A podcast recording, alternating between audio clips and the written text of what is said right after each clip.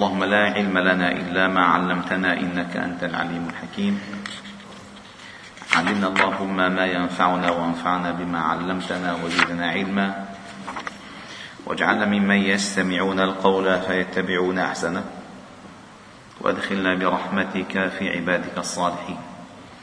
ثم أما بعد فقد ذكر الإمام الترمذي رحمه الله تعالى في كتابه الممتع الشمائل المحمدية على صاحبها أفضل الصلاة والسلام والتحية. في ذكر صفات النبي صلى الله عليه وسلم وشمائله الخلقية والخلقية.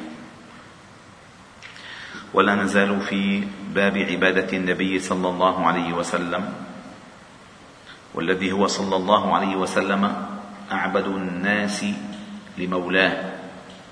واطوع الناس لخالقه وعلم الناس بربه وأتقاهم له وأخشاه. قال وحدثنا إسحاق بن موسى بسنده عن عائشة أم المؤمنين رضي الله تعالى عنها أن رسول الله صلى الله عليه وسلم كان يصلي من الليل إحدى عشرة ركعة يوتر منها بواحدة فإذا فرغ منها اضطجع على شقه الأيمن.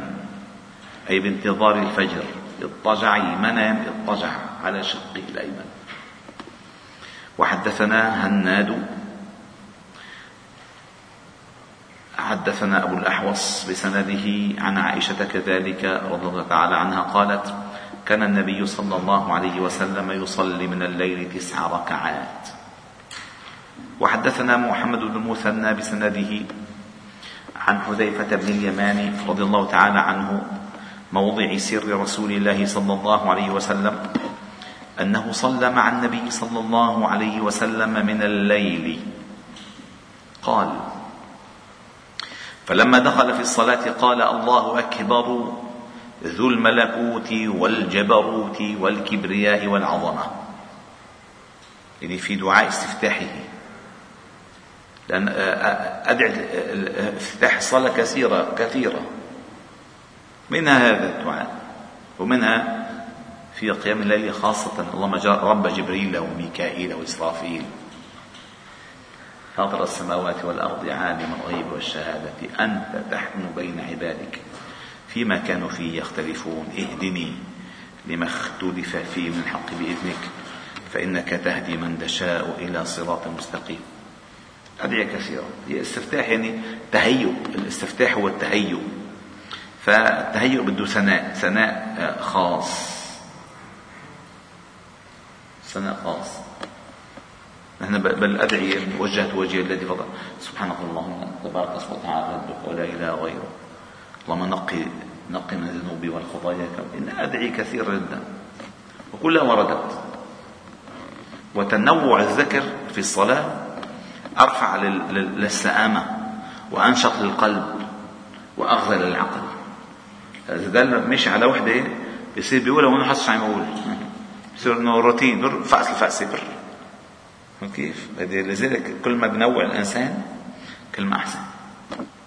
فقال فلما دخل في الصلاة قال الله أكبر ذو الملكوت.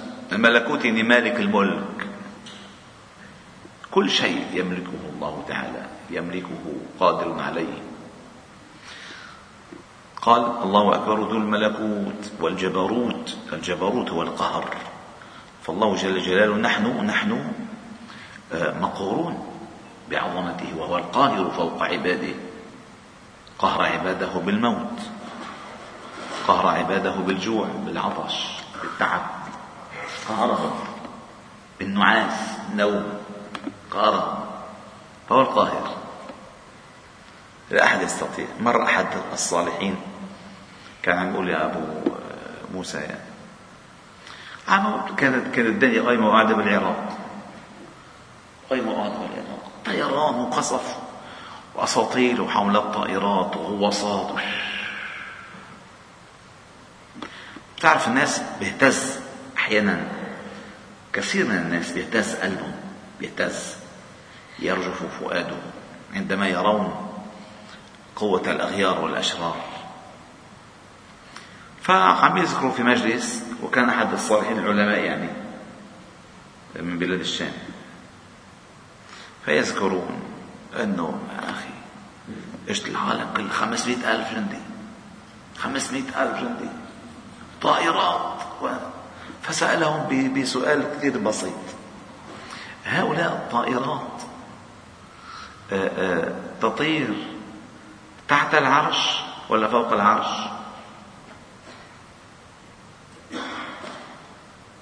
سؤال سؤال.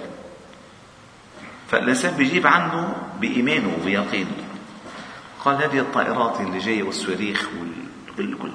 هذه تسير تحت العرش ولا فوق العرش؟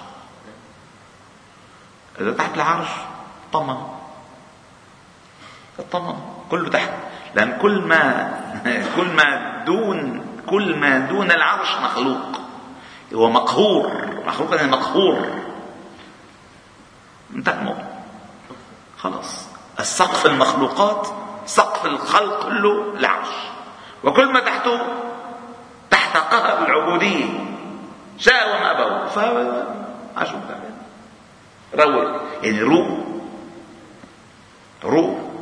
الإنسان مدى ما زعزع قلبه والله العظيم والله الذي لا إله إلا هو مدى ما زعزع قلبه صرصور بخوفه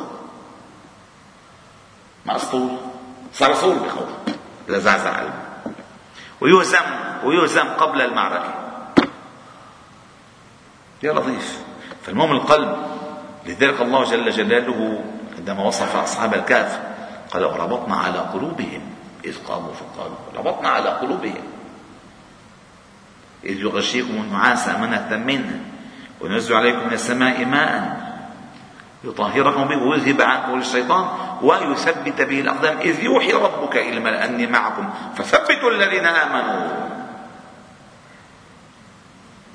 ربط على القلب. وأصبح فؤاد أم موسى فارغة. إن كانت لتبدي به لولا أن ربطنا على قلبها. ربط القلب. إذا القلب مفكوك. بيضيع. كورونا طيران دولار. خاف القلب.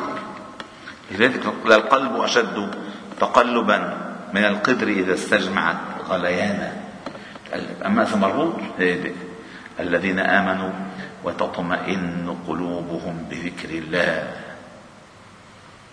وكذلك نقص عليك من أنباء الرسل. ما نثبت به فؤادك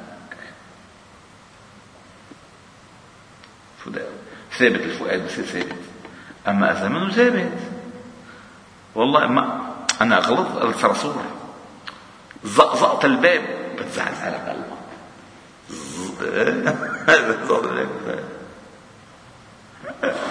شو صار؟ بيروح. بيروح. فلذلك القلب اهم شيء القلب. فقال هنا قال والجبروت والكبرياء والعظمة.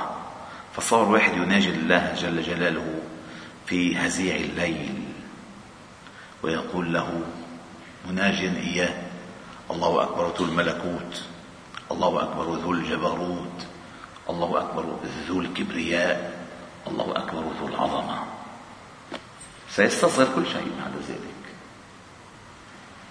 ثم قال ثم قرأ البقرة أي كاملة. قرأ البقرة كاملة. هلا زدنا صفحة ونص الشيخ طول. ثم قرأ البقرة كاملة. ثم ركع. فكان ركوعه نحوا من قيامه أي ركع طويلا. أي ركع طويلا. ثم وكان يقول سبحان ربي العظيم سبحان ربي العظيم. في ركوعه. ثم رفع رأسه فكان قيامه نحوا من ركوعه. وكان يقول لربي الحمد لربي الحمد لربي الحمد. لأنه وصل كل حمد هي الصلاة حمد هي الصلاة حمد فقال لربي الحمد لربي الحمد. ثم سجد. فكان سجوده نحوا من قيامه وكان يقول سبحان ربي الأعلى سبحان ربي الأعلى.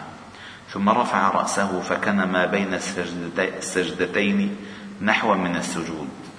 وكان يقول في هذه السجدة أو هذه الجلسة بين السجدتين رب اغفر لي رب اغفر لي. حتى قرأ البقرة وآل عمران والنساء والمائدة. وفي رواية أو الأنعام. وهذا الحديث يعني يدل على آه، مراعاة الترتيب في القراءة. فهو قرأه على ترتيب المصحف. مراعاة الترتيب الختم الختم. مراعاة الترتيب في القراءة أي موافقة للمصحف. فقد قرأ البقرة وآل عمران والنساء والمائدة على ترتيب المصحف تماما. لو معروف أنه تعلمون أنتم أكيد تعلمون أن القرآن ما جمع في حياته إلا في الصدور. ولكن كانوا يعلمون القرآن مجموعا في صدورهم ولكن ليس مجموعا في سطورهم. لم يكن القرآن مجموعا في سطورهم بل كان مجموعا في صدورهم فيعلمون أن أول السور الفاتحة وآخرها الناس. يعلمون ولكن لم يكن مسطورا مجموعا أين؟ بين الدفتين ثم قال وحدثنا أبو بكر محمد بن نافع البصري بسنده عن عائشة. لاحظوا كلها أغلب عن عائشة لأن هي هي قاعدة معه بالله يا أما اللي صلى معه يا ابن مسعود يا حذيفة بن عباس. حيكون غيره يعني؟ ثم قال قالت قام النبي صلى الله عليه وسلم. شوف قد ذكي الإمام الترمذي. لأنه هو هو الإمام الترمذي عم نقول زكي الإمام الترمذي. ما الإمام الترمذي لم يتعلم الرواية فقط إنما تعلم الرواية والدراية. يعني أخذ العلم وأخذ مفاتيحه. من شيخه وشيخه أخذ العلم ومفاتيحه من شيخه. حتى نصل للتابعين حتى نصل للصحابة نصل للنبي صلى الله عليه وسلم.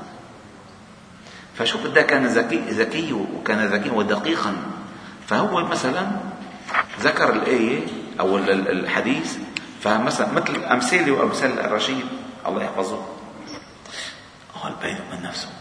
قرأ البقرة. البقرة والأمران والنساء والمائدة يا دوبنا نخلص آخر آيتين بالبقرة ما بلش مثلا فدغري جاب لك الحديث دغري جاب الحديث. لأن القضية ما بالكثر. فقالت عائشة في الصحيح قالت قالت قام النبي صلى الله عليه وسلم بآية من القرآن ليلة كاملة. بآية كان يرددها. إن تعذبهم فإنهم عبادك وإن تغفر لهم فإنك أنت العزيز الحكيم. فما القصد؟ أنه تقرأ كثيرا القصد أن تقوم. قم الليلة. إلا نصفه أو ينقص منه قليلا أو زد عليه ورتل القرآن ترتيلا. القصد في القيام القيام ما القصد القيام بكثرة القراءة؟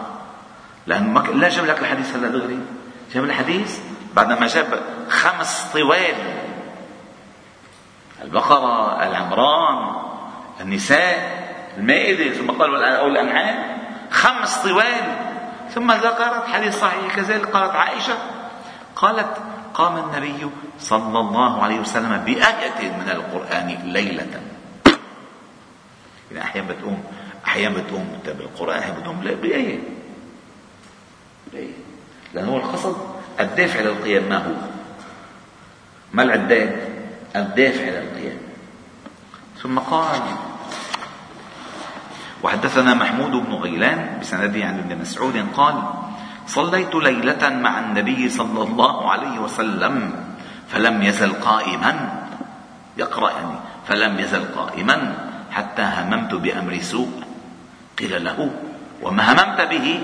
قال هممت أن أقعد وأدع النبي صلى الله عليه وسلم. لأنه فرض. ما معودين الإنسان ما معودين. قال قال حتى هممت بأمر سوء قيل وما هو؟ وما هممت به؟ قال هممت أن أقعد وأدع النبي صلى الله عليه وسلم. الله الله الله.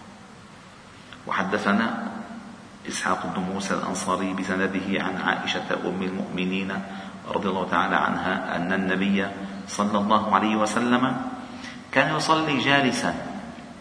أي في قيامه الليل. كان يقوم الليل جالسا. هذا في آخر حياته. في آخر حياته عندما تعب. كان يقوم الليل أي لا يزر قيام الليل وإن كان جالسا. كان يقوم جالسا. فيقرأ وهو جالس. أي ورده من الليل. قال فإذا بقي من قراءته قدر ما يكون ثلاثين أو أربعين آية قام فقرأ وهو قائم. يعني هو يبدأ يبدأ بالقيام بالقيام ثم يجلس. فبده يقرأ مثلا 500 آية مثلا. فإذا بقي له ثلاثون آية أو ثلاثين آية قام فقرأها ثم ثم ركع. قال قال فإذا بقي من قراءته قدر ما يكون ثلاثين أو أربعين آية قام فقرأ وهو قائم ثم ركع وسجد. ثم صنع في الركعة الثانية مثل ذلك. والحمد لله رب العالمين. سبحانه وبحمدك نشهد أن لا إله إلا أنت نستغفرك إليك صل وسلم وبارك على محمد وعلى آله وأصحابه أجمعين.